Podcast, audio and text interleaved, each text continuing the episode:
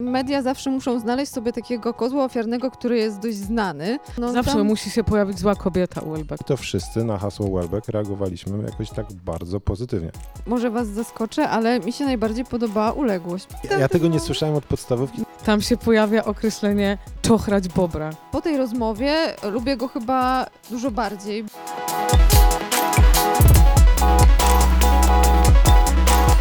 Drodzy słuchacze, nazywam się Agata Matkowska i z radością informuję, że dzisiaj macie niezwykłą okazję wysłuchać pierwszego odcinka nowej serii naszego projektu Radio Proza, w którym omawiać będziemy najnowsze trendy i nowości literackie, które pojawiają się na scenie światowej. Jesteśmy we Wrocławskim Domu Literatury. Razem ze mną dzisiaj rozmawiać będzie Emilia Konwerska i Waldek Mazur. Dzień dobry. Cześć. A na pierwszy ogień. Cześć, tu Agata z niedalekiej przyszłości. Zanim powiem, którą książkę omawialiśmy jako pierwszą, musimy się Wam do czegoś przyznać.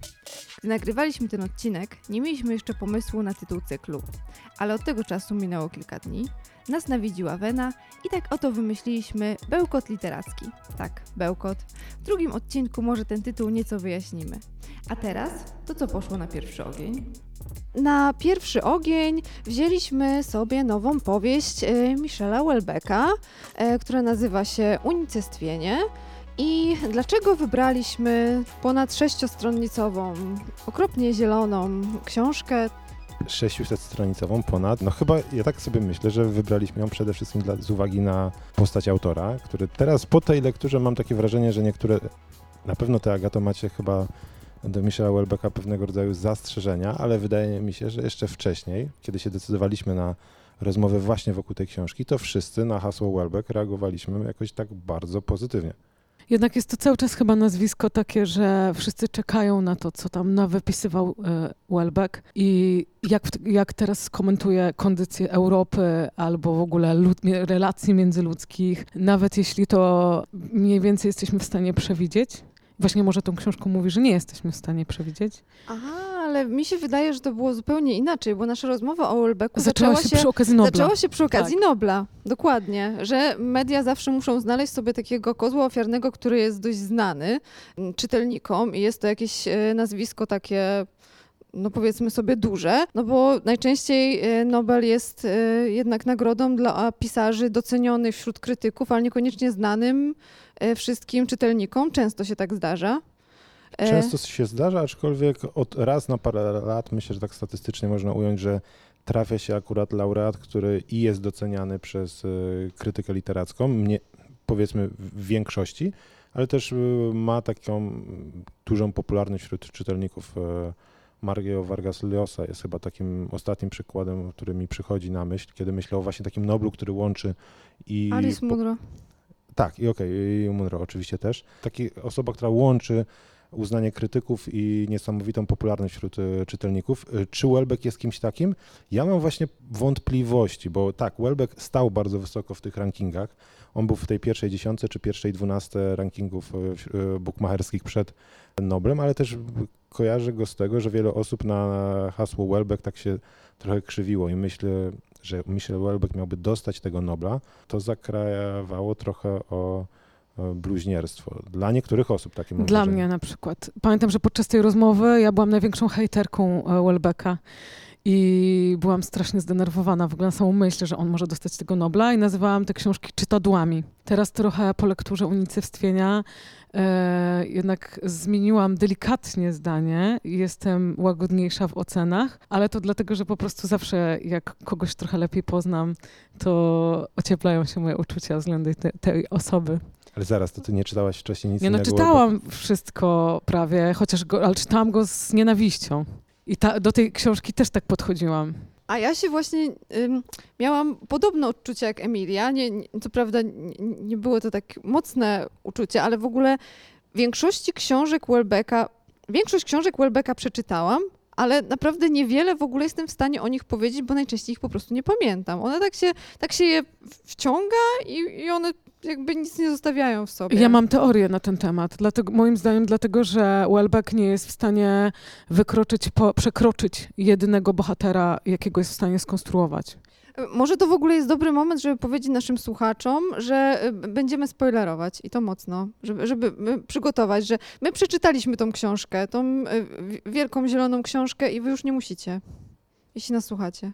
Agata ma na myśli chyba tylko e, wielkość w, w kwestii gabarytów. Tak, zdecydowanie. A ja się nie zgodzę tutaj. I, I ja bym jeszcze dodał, że też się nie zgodzę z wami pod tym względem, że te książki Welbecka mi się zlewają w jedną. Jakąś taką opowieść o, o jednym bohaterze. Co prawda ten bohater można uznać, że jest mniej więcej tą samą osobą, która się ciągnie przez te różne opowieści, ale tak jak sobie zacząłem przypominać poprzednie książki Welbecka, a jak się okazuje, patrząc na skrzydełko unicestwienia, przeczytałem wszystkie e, jego książki, to tak naprawdę to zjawisko u mnie zachodzi tylko z dwoma pozycjami. Możliwość wyspy i platformą.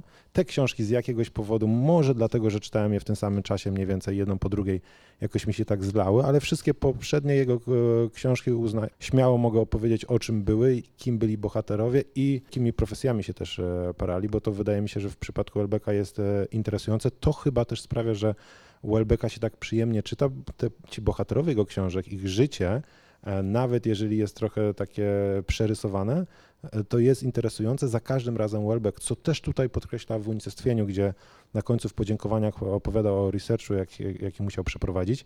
On jednak e, uchyla przed czytelnikami taki trochę rąbek świata, który jest dla większości nieznany, bo wybiera, bo, bo boha- bohaterom po prostu powierza jakieś takie nietypowe profesje. E, Tutaj w mamy komika, tu mamy jakiegoś to, naukowca. jest to rak żuchwy. E, rak żuchwy i choroby otępienne, e, choroby starcze, ale tutaj, ale bohater jest akurat, główny bohater Paul jest urzędnikiem, urzędnikiem państwowym, urzędnikiem ministerstwa, który tak funkcjonuje na skraju właśnie pracy urzędniczej i wielkiej polityki, bo jego przełożony bezpośredni i przyjaciel, chyba może nawet jedyny, jest najważniejszym ministrem w rządzie i takim prawie, że do pewnego momentu kandydatem na prezydenta. Czyli nie, nie, nie spotkałeś się we wcześniejszych książkach z tym, żeby bohater był heteroseksualnym, e, białym mężczyzną e, w średnim, średnim wieku, wieku. który pracuje na urzędniczym stanowisku i jest e, dobrze sytuowany ekonomicznie. I żyje w dużym mieście, tak? Tak, i miał problemy z e, pewnego rodzaju postępowością społeczeństwa e, francuskiego od, a- oraz także z napływającymi do Francji innymi kulturami, tudzież, o czym w kontekście Welbecka jest bardzo głośno, innymi wyznaniami niż to takie chrześcijańskie, katolickie. To oczywiście nawiązuje do islamu i islamofobii, która Welbeckowi jest na każdym kroku gdzieś tam zarzucana. Ja też właśnie pomyślałam sobie, że ten mój stosunek do Welbecka jest też taki niejednoznaczny, bo to jest jak spędzanie czasu z kimś, kto cię irytuje i z kim się nie zgadzasz, ale jednak robienie tego na własne życzenie. To co, co kochasz? Może okaże się za pomocą Welbecka jakoś terapeutycznie, że tak. To może przejdziemy teraz do książki. Ja bym chciała na początku przeczytać e, pierwsze zdanie.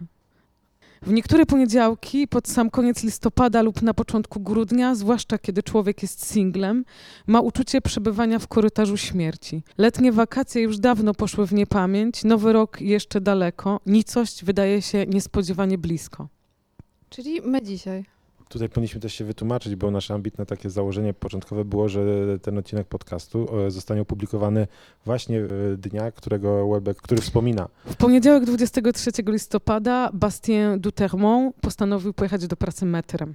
To już jest pewnie dołujące dla Welbecka i dla e, jego wyobrażonego czytelnika, że jedziesz metrem do pracy z ludem. A ja bym właśnie tutaj się nie zgadzał z taką teorią, bo wydaje mi się, że i w unicestwieniu chyba najbardziej u Welbecka czuć taką tęsknotę i czuć taki sentyment, czuć pewnego rodzaju podziw dla powiedzmy klasy może nie robotniczej, a dla tej takiej średniej klasy niższej, dla takiego społeczeństwa bardziej konserwatywnego, które nie ma jakichś takich rozbujanych wymagań, nie ma jakichś takich rozbujanych e, potrzeb. Zwróćcie uwagę też na to, że chyba ci wszyscy bohaterowie, którzy tutaj w tej książce się rozbijają jakoś życiowo, to są właśnie ci, którzy prowadzą jakieś takie bardzo postępowe życie. Z kolei ci, którzy gdzieś tam e, decydują się na takie podejście bardziej konserwatywne, taki konserwatywny model życia wybierają. Tu mam na myśli chociażby mm, siostrę głównego bohatera, Cecilii i jej męża, to oni akurat jako jedni z nielicznych tej rodziny Pola kończą dobrze. Ale oni, oni jaco, jako jedyni w ogóle wydają się być zadowoleni w jakiś sposób, chociaż oni są i tak traktowani z takim, no nie chcę powiedzieć brakiem szacunku, ale tak jakby, no jako takie osoby gorszej kategorii mam wrażenie. No bo to jest taki zwrot konserwatywny, ale na, na takim głębokim poziomie Welbecka, gdzie on widzi, że szczęście można osiągnąć, dostrzega, że szczęście można osiągnąć i jakoś taką pogodzenie ze światem i harmonię dzięki wierze, dzięki rodzinie, że właściwie w momentach trudnych w życiu możesz liczyć tak naprawdę na męża i żonę tylko, którym, jak to pisze Welbeck, bardzo mi się podoba to zdanie, w ogóle ofiaru, ofiarujesz swoje ciało i ciało nie tylko w sensie seksualnym, ale ciało, które może zachorować i umrzeć. Więc to jest w sumie bardzo taka melancholijna i taka konserwatywna w tym znaczeniu książka.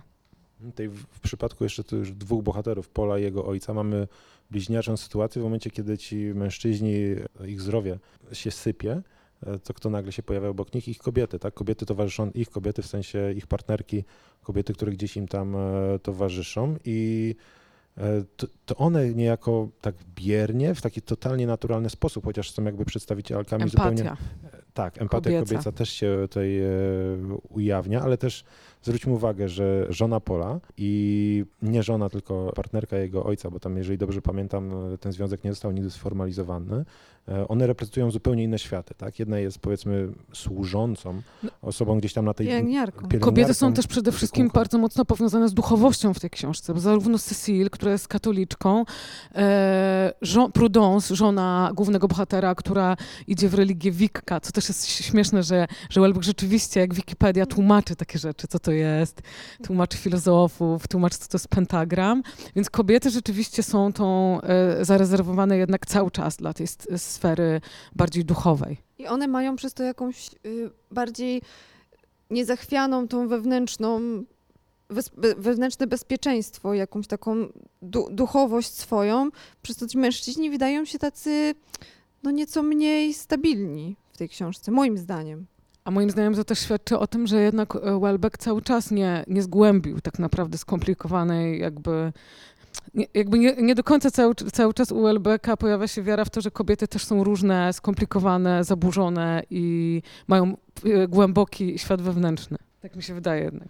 O, niestety się muszę z tą zgodzić. Mam podobne przemyślenia. No jest tak, tak. Wspomniane były, była siostra, wspomniana była e, małżonka. Jest też e, żona młodszego brata Pola, która z kolei jest na drugim biegunie, jest osobą totalnie przerysowaną, ale ona też jest taką skos- demoną. Zawsze Tam musi się pojawić zła kobieta u Welbecka. Ona jest taką totalnie z, złem zła po prostu. Ona tam w piwnicy na pewno obdziera te szczeniaczki ze skóry. To ona jest to już bardzo, bardzo przerysowana postać. jest sfrustrowaną dziennikarką, którą dotknął kryzys mediów i to, że jej kariera nie potoczyła się tak, jak miała się potoczyć, ale też e, chyba jakąś gigantyczną energię e, marnuje albo przekazuje na to, żeby zniszczyć życie e, bratu, młodszemu, najmłodszemu w rodzinie Pola i tak dokonuje czyn, czynów, które ja tutaj mam takie wątpliwości, to mi się bardzo nie podobało, bo to po prostu jest nielogiczne. To, co ta osoba robi, to jak ta osoba znęca się w pewien sposób na swoim mężu, nie broni się fabularnie w całej tej książce. Nie widzę w ogóle sensu, po co ona to robi, bo gdyby jeszcze pojawiła się postać, która jest tak zła, ale ma na celu uzyskanie czegoś na końcu, to ja bym to jeszcze mógł fabularnie przeboleć. Tutaj akurat ta postać totalnie mi nie pasuje. Ale też na, następstwa tego nie wydają się specjalnie e, racjonalne, tego co się potem wydarzyło. No bo już jak spoilerujemy, no to śmierć tego brata później, no jakby to, że on już sobie zdołał ułożyć w pewnym sensie życie, no to jednak ta śmierć wydaje się zupełnie bez sensu. No generalnie Welbeck w tej książce nie daje nikomu nadziei na szczęście, że kiedy pojawia się jakieś szczęście w życiu, no to zaraz, zaraz trzeba je zakończyć. Jeszcze chciałam o tych kobietach powiedzieć, że kiedyś Kazimiera Sztuka w krytyce politycznej, dawno temu jeszcze jak krytyka się ukazywała na papierze, napisała bardzo ciekawy tekst, w którym analizuje to, jak Welbeck obchodzi się z kobietami, bohaterkami, które właśnie muszą na przykład e, doświadczyć kary za e, zbytnią seksualną ekspresję, jak jedna bohaterka, której tam coś się dzieje z kręgosłupem, że ląduje na wózku inwalidzkim, już nie pamiętam, w której to było książce. No w serotoninie e, bohaterka już e, e, chyba w najbardziej dosadny z możliwych sposób upokarza swojego partnera, bo on odkrywa taśmy, na których ona, uwaga, uprawia seks, uwaga, psami, więc już naprawdę bardziej się nie da. A tutaj jakby Welbeck przyjmuje inną strategię w ogóle opowiadania o tych rolach płciowych, ale cały czas jest to, co jest bardzo charakterystyczne dla niego, czyli oparcie swojego konstruktu świata i podziału na płcie na takiej psychologii ewolucyjnej, która jest no, po prostu wzorowana na tym, że zwierzęta mają tak i to jest naturalne. I oczywiście wybiera sobie tak jak chce te e, elementy ze świata zwierząt, żeby poprzeć swoje, te, swoje tezy. Mi się w ogóle na, najciekawszą postacią w całej książce wydaje jednak e, siostra głównego bohatera, Cecil, która no, jest w pewnym sensie bardzo różna od innych postaci, które się tam, z którymi się spotykamy.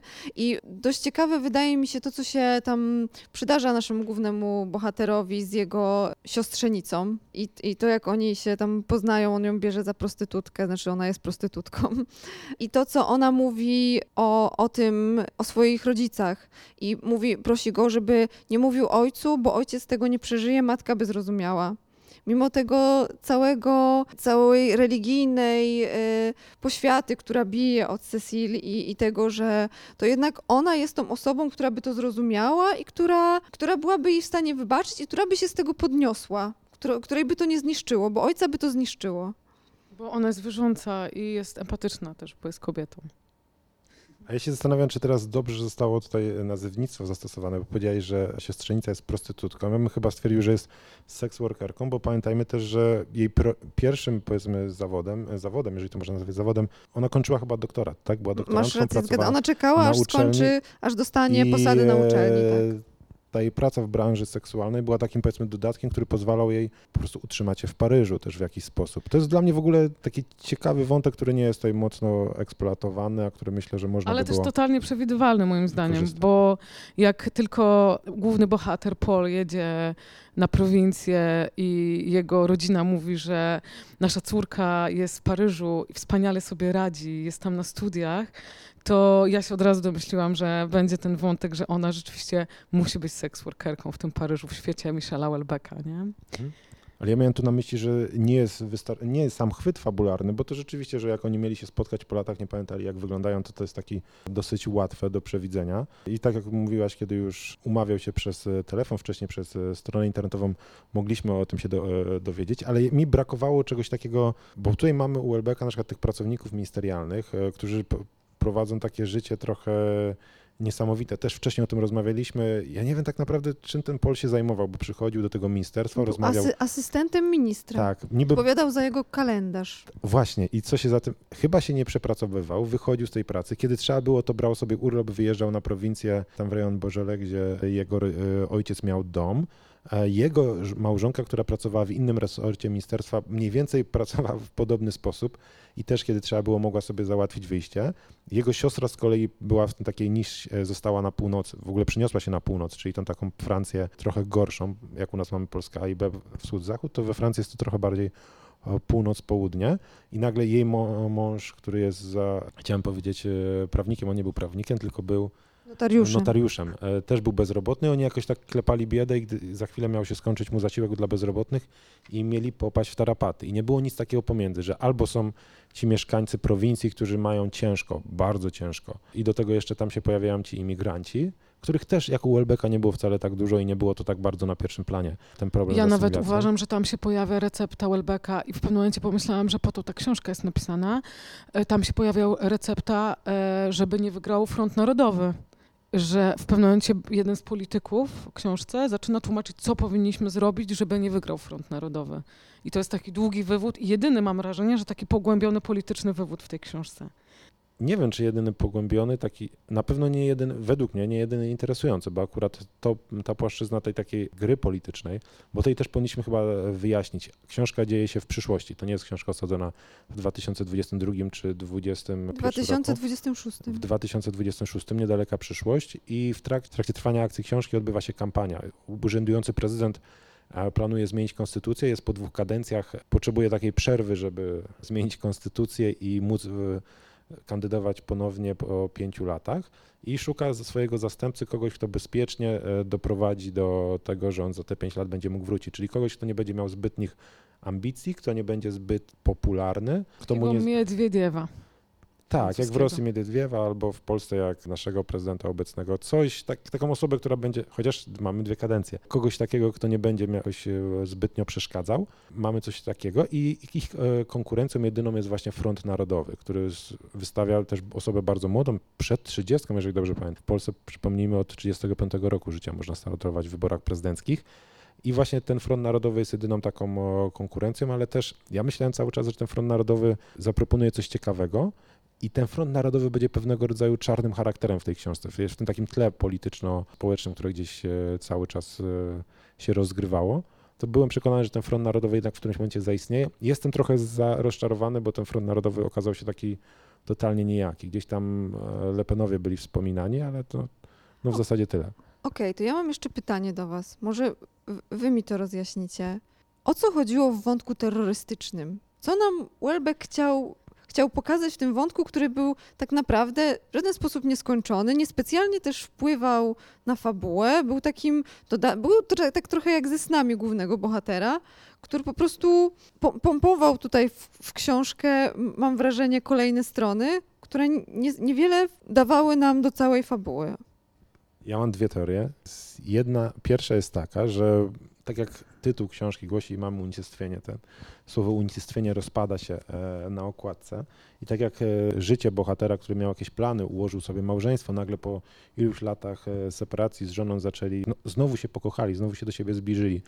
I kiedy mu to wszystko gdzieś tak zaczęło się trochę spinać, zaczął gdzieś dogadywać się z, ze swoim ojcem, chociaż jego ojciec nie odpowiadał, ale jakaś ta relacja... Może z- dlatego się dogadywał. Tak, możliwe, zaczął... To jest w ogóle moim zdaniem bardzo ciekawy wątek, bo to jest Welbecka negacja komunikacji w ogóle e, werbalnej jako metody porozumienia między ludźmi. Że on uważa, że właściwie nie ma o czym rozmawiać. Już wszystko wiemy tak naprawdę. Słowa to są jakieś puste w ogóle frazesy. Dlatego nie rozmawiają ze sobą bohaterowie. Dlatego ci e, małżonkowie, jak znowu zaczynają się kochać, to też właściwie ze sobą nie rozmawiają. I nie wiem, może właśnie takie bycie razem jest tutaj największą wartością. Tak mi się wydaje. W ogóle te osoby ze sobą nie rozmawiają. Też e, Paul się spotyka ze swoim ojcem na ostatnią rozmowę. Okazuje Tak, się, że to nic jest nie powiedział. pozytywne, nie, że nie trzeba nic mówić, nie? Mhm. Ale wracając do tego, co mówiłem o tej teorii, to może tak jak to życie Pola jest tak urwane, to tak też wszystkie te takie wątki, które w książce się były poboczne, e, wątki w tle, bo pamiętajmy ta sprawa, e, nie tylko te zamachy terrorystyczne, o których myślę, że za chwilę trochę więcej powiemy, ale też sprawa z tymi działaczami Frontu Narodowego, którzy pomogli w wyjęciu ojca Michel Paula ze szpitala. Tam też to się tak strasznie urywa. I tych takich wątków, które się urwały, jest całkiem sporo w tej książce, nawet jeżeli one były gdzieś tak zaznaczane. I możliwe, że to jest taki zamysł autorski, a drugim jest taki, że mój, moja teoria, że ten, to bardzo długo wydawało mi się bardzo ciekawa intryga. E, taka wręcz sprawiała, że na drugim, trzecim tle dział się jakiś taki thriller polityczny, coś ala z książek Dana Browna.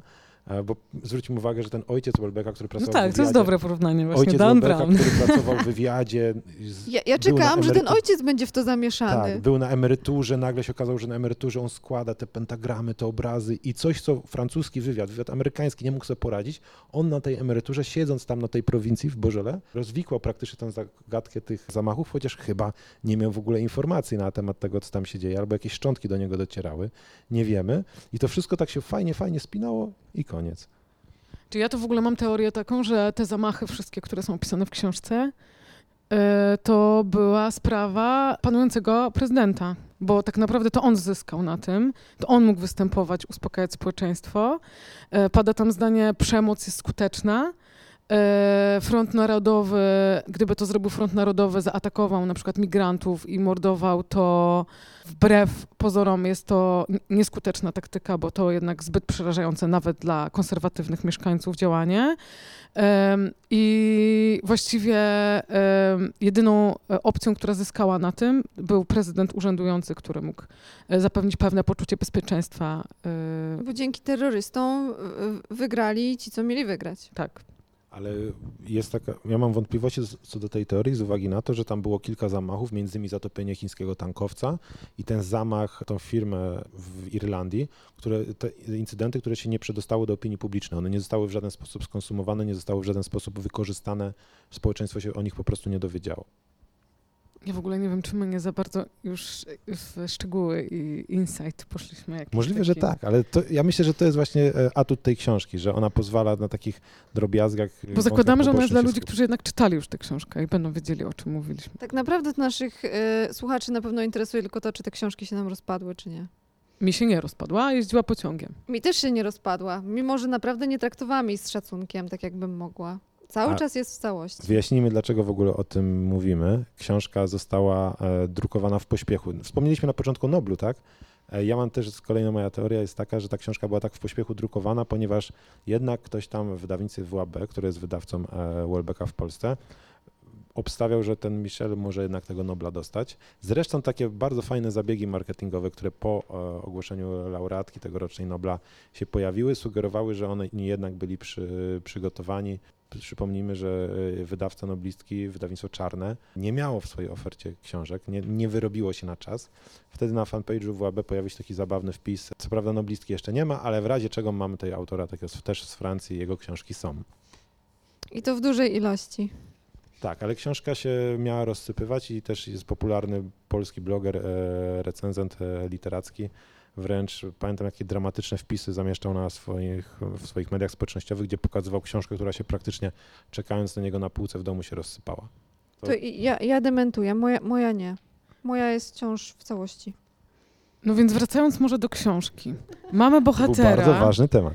który nazywa się Paul i który pracuje jako w sumie asystent w rządzie, ma piękne mieszkanie w pięknym miejscu, czyli po raz kolejny Welbeck zabiera swoich czytelników w świat luksusu.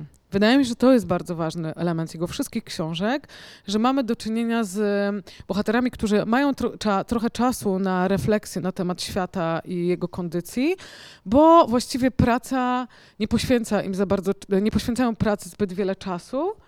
E, I mogą e, zająć się przyjemniejszymi rzeczami. Moim zdaniem trochę to też powoduje, że lubimy czytać te książki Welbecka, bo one nam pozwalają zanurzyć się w czyjś świat, który jest światem pozbawionym udręki jakiejś takiej rzeczywiście codzienności i e, są oczywiście inne udręki, ale ta praca zawsze jest tylko zarysowana w tych książkach Welbecka, moim zdaniem.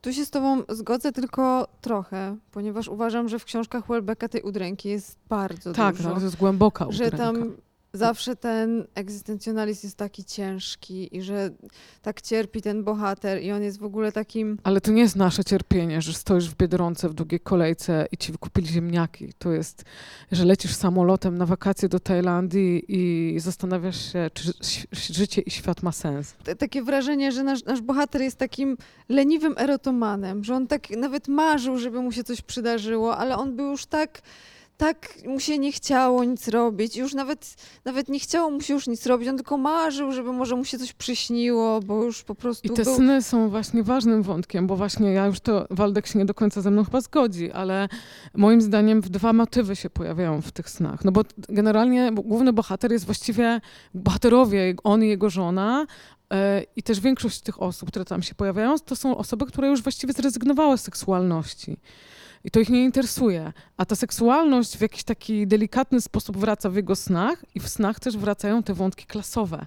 Czyli jakieś takie dwie, może poczucie winy jedna rzecz, a druga potrzeba, którym nie poświęca uwagi w życiu na jawie, moim zdaniem, wracają w tych snach.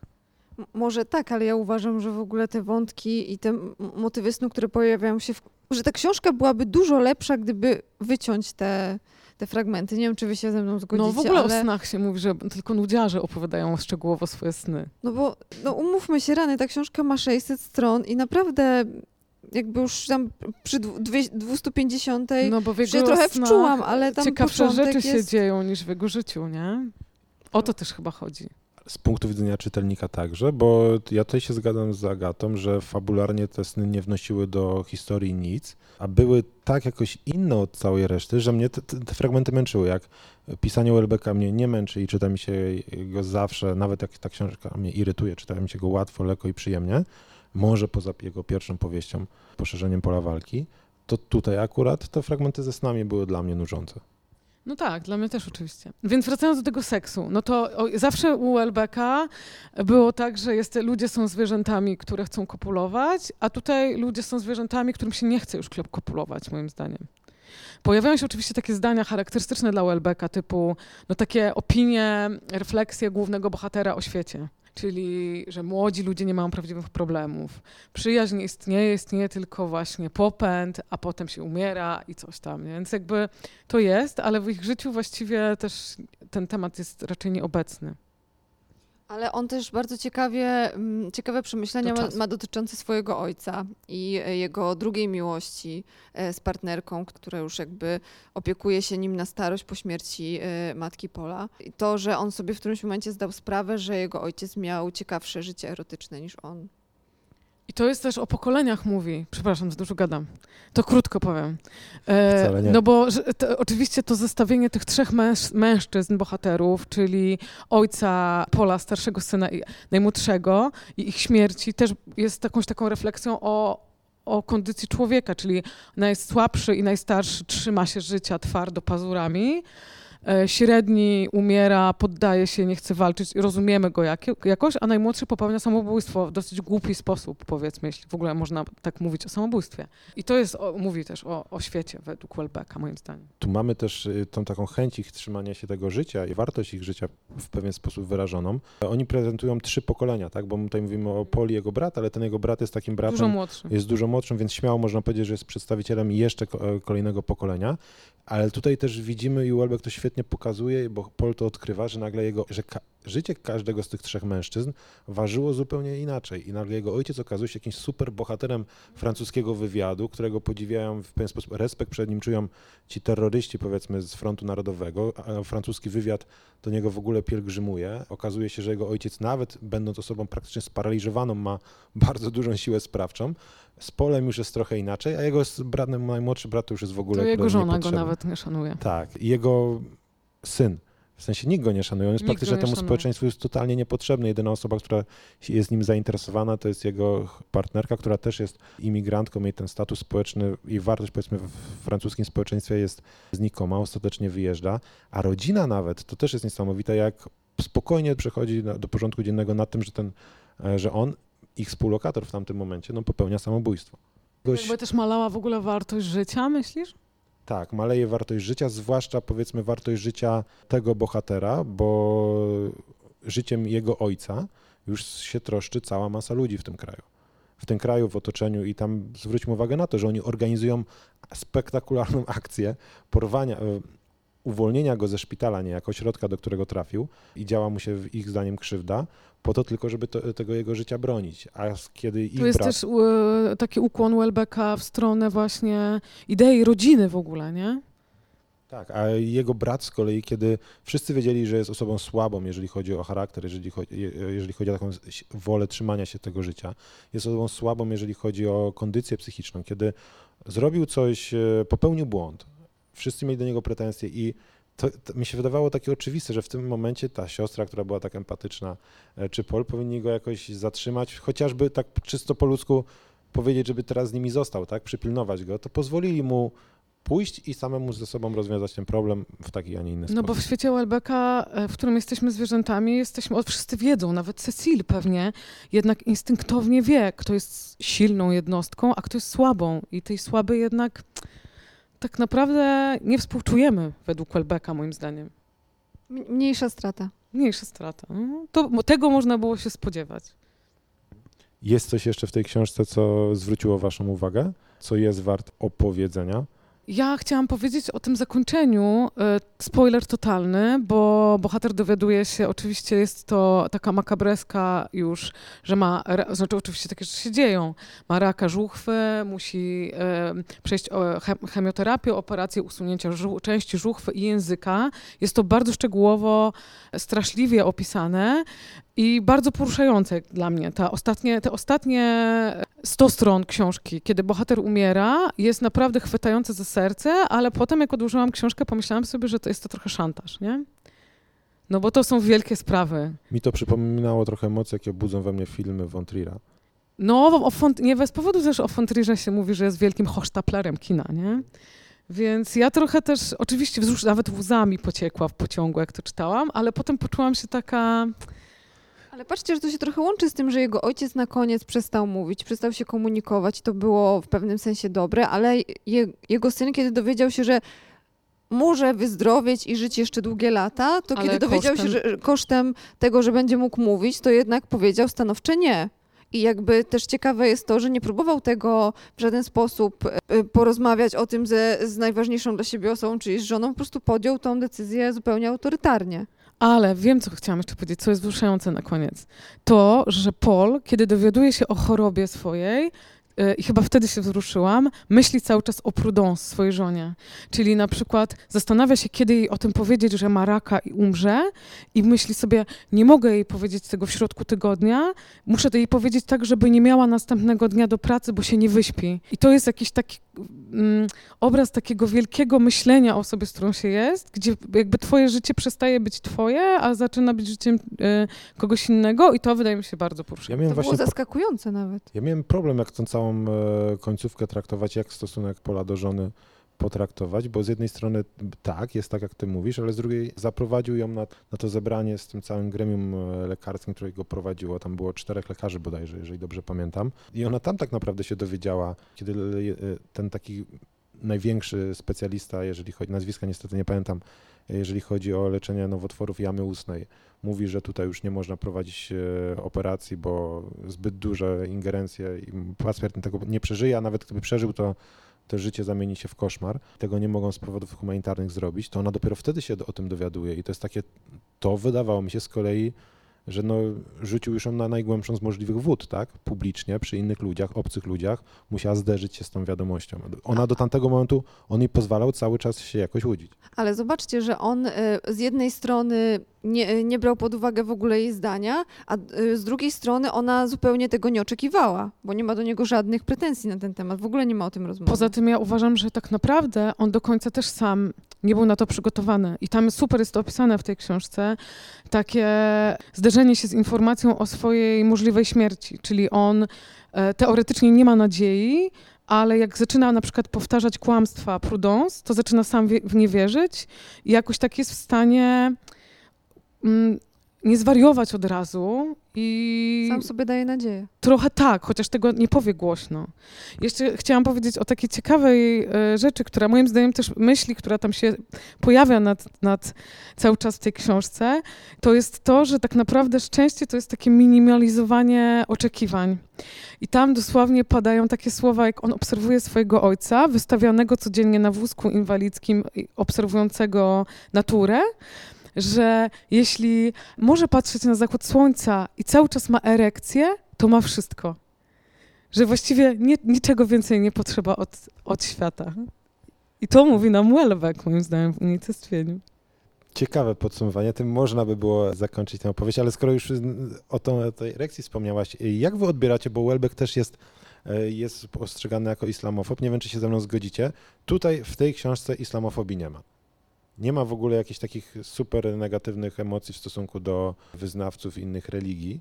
A tutaj mamy na, mam na myśli głównie islam, bo o, to się pojawia gdzieś w tle, ale nie ma, to na pewno nie jest uległość, to na pewno nie jest A platforma. ja w ogóle mam na temat uległości inne trochę zdanie chyba niż Ja, ty. ja też mam. Ale- y, Wydaje mi się, że uległość wcale nie była tak kontrowersyjna, jak próbowano ją Tak, przedstawić. ale dawał amunicję, dawał, dawał pole do interpretacji w taki sposób, jeżeli ktoś miał, powiedzmy, podchodził do książki z tezą. Tutaj praktycznie, jeżeli ktoś by chciał mu zarzucić islamofobię, to musiałby się naprawdę mocno, mocno postarać.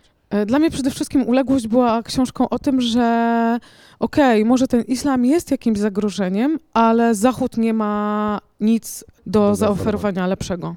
I to jest, chyba się pojawia w uległości ten wątek, że y, no, dla kobiet albo masz po prostu zachodni seksizm i uprzedmiotowienie, albo masz ten muzułmański y, reżim religii i, tak uprzedmiotowienie. dalej, więc innego uprzedmi- uprzedmiotowienia. Więc jakby moim zdaniem przede wszystkim uległość była krytyką Zachodu. Tak, ja to tak czytałam kiedyś. Bezsilności Zachodu. No i też braku idei, br- braku energii, e, jakiegoś takiego wyczerpa- e, o jakimś takim wyczerpaniu to było dla mnie. Mogę też na koniec jeszcze powiedzieć, dlaczego, co mi się spodobało teraz na, e, na koniec, chciałam powiedzieć, w listopadzie mojego życia, może przesadzam, w Welbecku. Dlaczego go doceniłam? No. Dawaj, dawaj. E, nie wiem, czy to jest kwestia tego, że, że właśnie jestem też coraz starsza. Właśnie ty starzejesz. Tak się czuję trochę, ale na przykład zaczęło mnie zachwycać u Welbecka takie proste zdania, które moż, mogą się wydawać ban, ba, banalne, a Jej, ja w nich męczyłaś tym strasznie ostatnimi czasy. męczyłam Facebook mój tym, ale one mnie strasznie zachwycały i wydawały mi się bardzo zabawne i inteligentne, ale jest, mam jedno zdanie tylko, które chciałabym zacytować, które mnie swoją poz, pozorną banalnością, ale pewną prawdą ogromną zachwyciło. Kiedy on dowiaduje się, że umiera, pada, spada zdanie nie chcę umierać, ale nie mam wyjścia. Ja przygotowując się do naszego, naszej dzisiejszej rozmowy, słuchałam podcastu z Beatą Geppert, czyli z tłumaczką. I y, po tej rozmowie lubię go chyba dużo bardziej, bo ona mówiła o nim cudownie. Mówiła o tym właśnie, jak on pisze, że on wspaniale pisze, że te zdania są cudowne, że tłumaczenie Welbecka jest dla niej w ogóle jej, jej życiowym praktycznie osiągnięciem. Nie powiedziała tego, ale w pewnym sensie było to takie romantyzowanie Welbecka, o którym nie zdawałam sobie sprawy. Mówiła też o tym, że on jest wielkim romantykiem, że ona w nim absolutnie nie widzi, cyn- nie widzi cynizmu, tylko widzi w nim takiego wielkiego romantyka i taką delikatną osobowość, która w ogóle ma pod skórą od razu te wszystkie nerwy i jest, jest bardzo delikatna. Można kochać swoją żonę po wielu ma- latach małżeństwa, jeśli Po ma wielu latach tył, super się do tyłek dalej i nosi I super stringi. wygląda w stringach, tak. Shorty, to były shorty. Ale stringi też tam. Ale co, bo chciałem właśnie o to zapytać wcześniej, e, zjechaliśmy na temat ligi. Ja pamiętam taką sytuację, z, kiedy na studiach się przyznałem prowadzącej zajęcia, że lubię Welbecka, jestem zachwycony cząstkami elementarnymi. Tam prawie mnie pani skrzyczała i powiedziała, że to w ogóle takie, to jest porno literatura. I teraz się tak zastanawiam, co sądzicie wy o tym, jak tutaj jest przedstawiony seks, seksualność, życie seksualne bohaterów? Ja już gadałam o tym. Bo mnie się wydaje, że to jest bardzo coś innego, zupełnie inna jakość w porównaniu do, tego, do tych poprzednich książek Welbecka. I tu nagle bym, ja bym nawet zaryzykował stwierdzenie, że jest tak e, czule, nie wiem, czy to jest dobre słowo. Kiedyś Bartosz Żura, Żurawiecki napisał e, bardzo fajny tekst o popularności Welbecka, dlaczego te książki wszyscy ko- kochają czytać. I on rzeczywiście też pisze tam o tym, że to jest właściwie soft porno też w tych poprzednich książkach. I że dlatego lubimy to czytać. No, bo nie wyciągniemy jakby e, Harlekina, ale Welbecka już e, możemy poczytać, dlatego że oprócz tego, że, że jest dużo seksu, to masz jeszcze przemyślenia na temat natury człowieka i, i jakby też polityki Jesteśmy trochę. Ale Jesteśmy- czytelnikom, że musi zaczekać 450 stron, bo ten, ten jakby tego seksu tak naprawdę nie ma przez prawie całą książkę. I nie ma swingowania, nie ma orgietek, nie ma haremów, nie ma tego wszystkiego, co wcześniej było. Ta audycja jest dla dorosłych, nie? Tak. Nie dobiło, jak tam się pojawia określenie, nie wiem, to tłumaczka ta wspaniała pewnie. Tam się pojawia określenie czochrać bobra. I Nie ja słyszałem tego od podstawówki. odrzuciłam książkę na chwilę. E, Ja tego nie słyszałem od podstawówki, to mi się określenie też kojarzyło z czymś takim bardzo chłopięcym, czymś takim e, wziętym trochę ze świerszczyków, a tutaj ten zwrot był tak bardzo niedopasujący, miejscu. ponieważ ta sytuacja była bardzo intymna, też była bardzo zapamiętałeś subtelna. też tak, tak, tak. tak. Bohater Paul już e, był po chemioterapiach i nie mógł w normalny sposób uprawiać seksu i jego żona, to było przedziwne, w sensie dziwne jak na Welbecka, tak? Nie, nie wchodźmy, nie idźmy może tą drogą, ale i właśnie pojawia się nagle to czochranie Bobra i ja, nie pasowało mi to kompletnie, rzeczywiście. Pozdrawiamy panią Beatę serdecznie. To nie, jest, miejsca. to nie jest w ogóle, wydaje mi się, że. No właśnie, może o to chodzi też w- w tej książce, że ta seksualność nie jest najważniejszym w ogóle e, tematem, w żaden sposób ważnym dla bohatera do czasu. Czyli w momencie, kiedy wtedy, kiedy się okazuje, co jest w życiu ważne, co jest tak naprawdę istotne, to wtedy właśnie ta seksualność się pojawia. Czyli tak jak mówiłam wcześniej, podstawowe właściwie, piramid, pir, piramida potrzeb. Bliskość, sek- seksualność, natura, zachód słońca.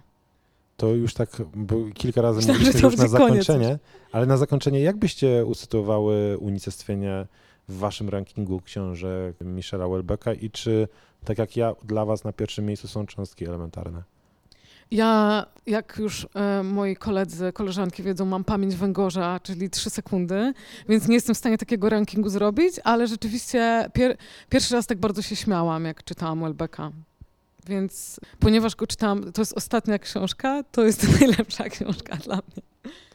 E, Ja z kolei może was zaskoczę, ale mi się najbardziej podobała uległość. Może dlatego, że mnie najbardziej zaskoczyła. Ona jest na pewno najgłębsza, tak politycznie moim zdaniem, społecznie. Mi Najciekawsza. się ona wydaje najciekawsza, a wszystkie inne zlewają mi się naprawdę w taką jedną bryłę. Jedna bryła, nie, nie jestem w stanie powiedzieć nic o żadnej z nich i myślę, że jak mnie ktoś za dwa miesiące zapyta o unicestwienie, to też nie będę potrafiła nic powiedzieć. Ja jestem ciekaw właśnie, gdzie u mnie się to za parę miesięcy usytuuje. Wiem, że na samym końcu jest poszerzenie pola walki, czyli ta pierwsza książka. Na początku są cząstki elementarne, mapa i terytorium i pewnie unicestwie, e, i nie unicestwienie, tylko uległość. A to unicestwienie wydaje mi się taką książką, gdzie jest fajnie, przeczytaliśmy Welbecka i parę lat mniej musimy czekać na kolejnego, ale wydaje mi się, że ani go nie zbliży do przyszłego Nobla, jeżeli go kiedyś dostanie, ale go też chyba nie oddali, ta książka. Chyba nie dostanie nigdy jednak.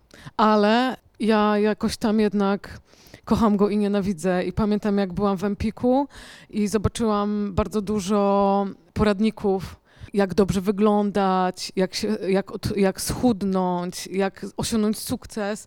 I zobaczyłam e, na półce w tym wszystkim e, okładkę interwencji, gdzie Welbeck e, ma taką wymiętoloną koszulę, jest blady, roztrzepany, totalnie stary i nieatrakcyjny w konwencjonalny Nie sposób. przeczytał żadnego z tych I poradników. pomyślałam sobie, że to jest jednak mój człowiek w tym świecie. No i też film Porwanie Michela Welbecka, to już wszyscy na pewno widzieli, nie? Którym nie, nie da się go nie, nie jakoś... Nie, znaczy w ogóle jakieś głupoty gadam teraz, miała być w książce. Przepraszam. Ale nie, dlaczego? Ja, bo Welbeck myślę, że moglibyśmy drugi odcinek zrobić traktujący tylko właśnie o tym, jaką Welbeck jest postacią i ja się zastanawiam czasami, ile tam jest kreacji, to bycie takim outsiderem posiadającym miliony na koncie jest takie dla mnie trochę, trochę mimo wszystko jednak podejrzane. Jak on cały czas w tej jednej kurce gdzieś się pokazuje, to też myślę, że tu jest bardzo, bardzo dużo kreacji. No, nie oszukujmy się, na koniec jest to topowy, jeżeli chodzi o liczbę sprzedawanych egzemplarzy książek, pisarz dużego kraju, jakim jest e, niewątpliwie Francja, gdzie bycie pisarzem daje jakiś status społeczny. Więc ja bym tak jakoś nie upatrywał w Welbecku jakiejś bratniej duszy i kogoś, kto rozumie życie nas, malutkich. No, jest bohaterem, jest bohaterem naszego, pier, naszego e, pierwszego odcinka nowej serii. Zniszczyłeś nas, z, pew- mnie i z, pewnością, z pewnością jest w pewnym sensie gwiazdą. Nie, no oczywiście. To teraz e, już na absolutny koniec. Nie wiem, gdzie Państwo słuchają tego podcastu. Mam nadzieję, że ktoś dotarł, e, dotrwał do końca. E, Może nas polubić, może nas subskrybować, może nas obserwować, to w zależności od platformy. Na ten moment wiemy, że będzie drugi odcinek. Nie wiemy jeszcze, o kim będzie on traktował, tak? Czy już mamy jakieś typy? Coś tam rozmawialiśmy, ale chyba nie ustaliliśmy. Może właśnie słuchacze będą mieli jakieś propozycje, jeśli ktoś będzie nas słuchał. Nie Wtedy wywołuj wilka z lasu. No dobra, cofam. Ja już od siebie powiedziałem, myślę, że trochę nawet za dużo, więc już nic nie dodaję. Tak, w takim razie żegnamy się z Państwem serdecznie. Y, Słuchaliście Emilii Konwerskiej, y, Waldka Mazura i Agaty Matkowskiej i zapraszamy do słuchania nas ponownie.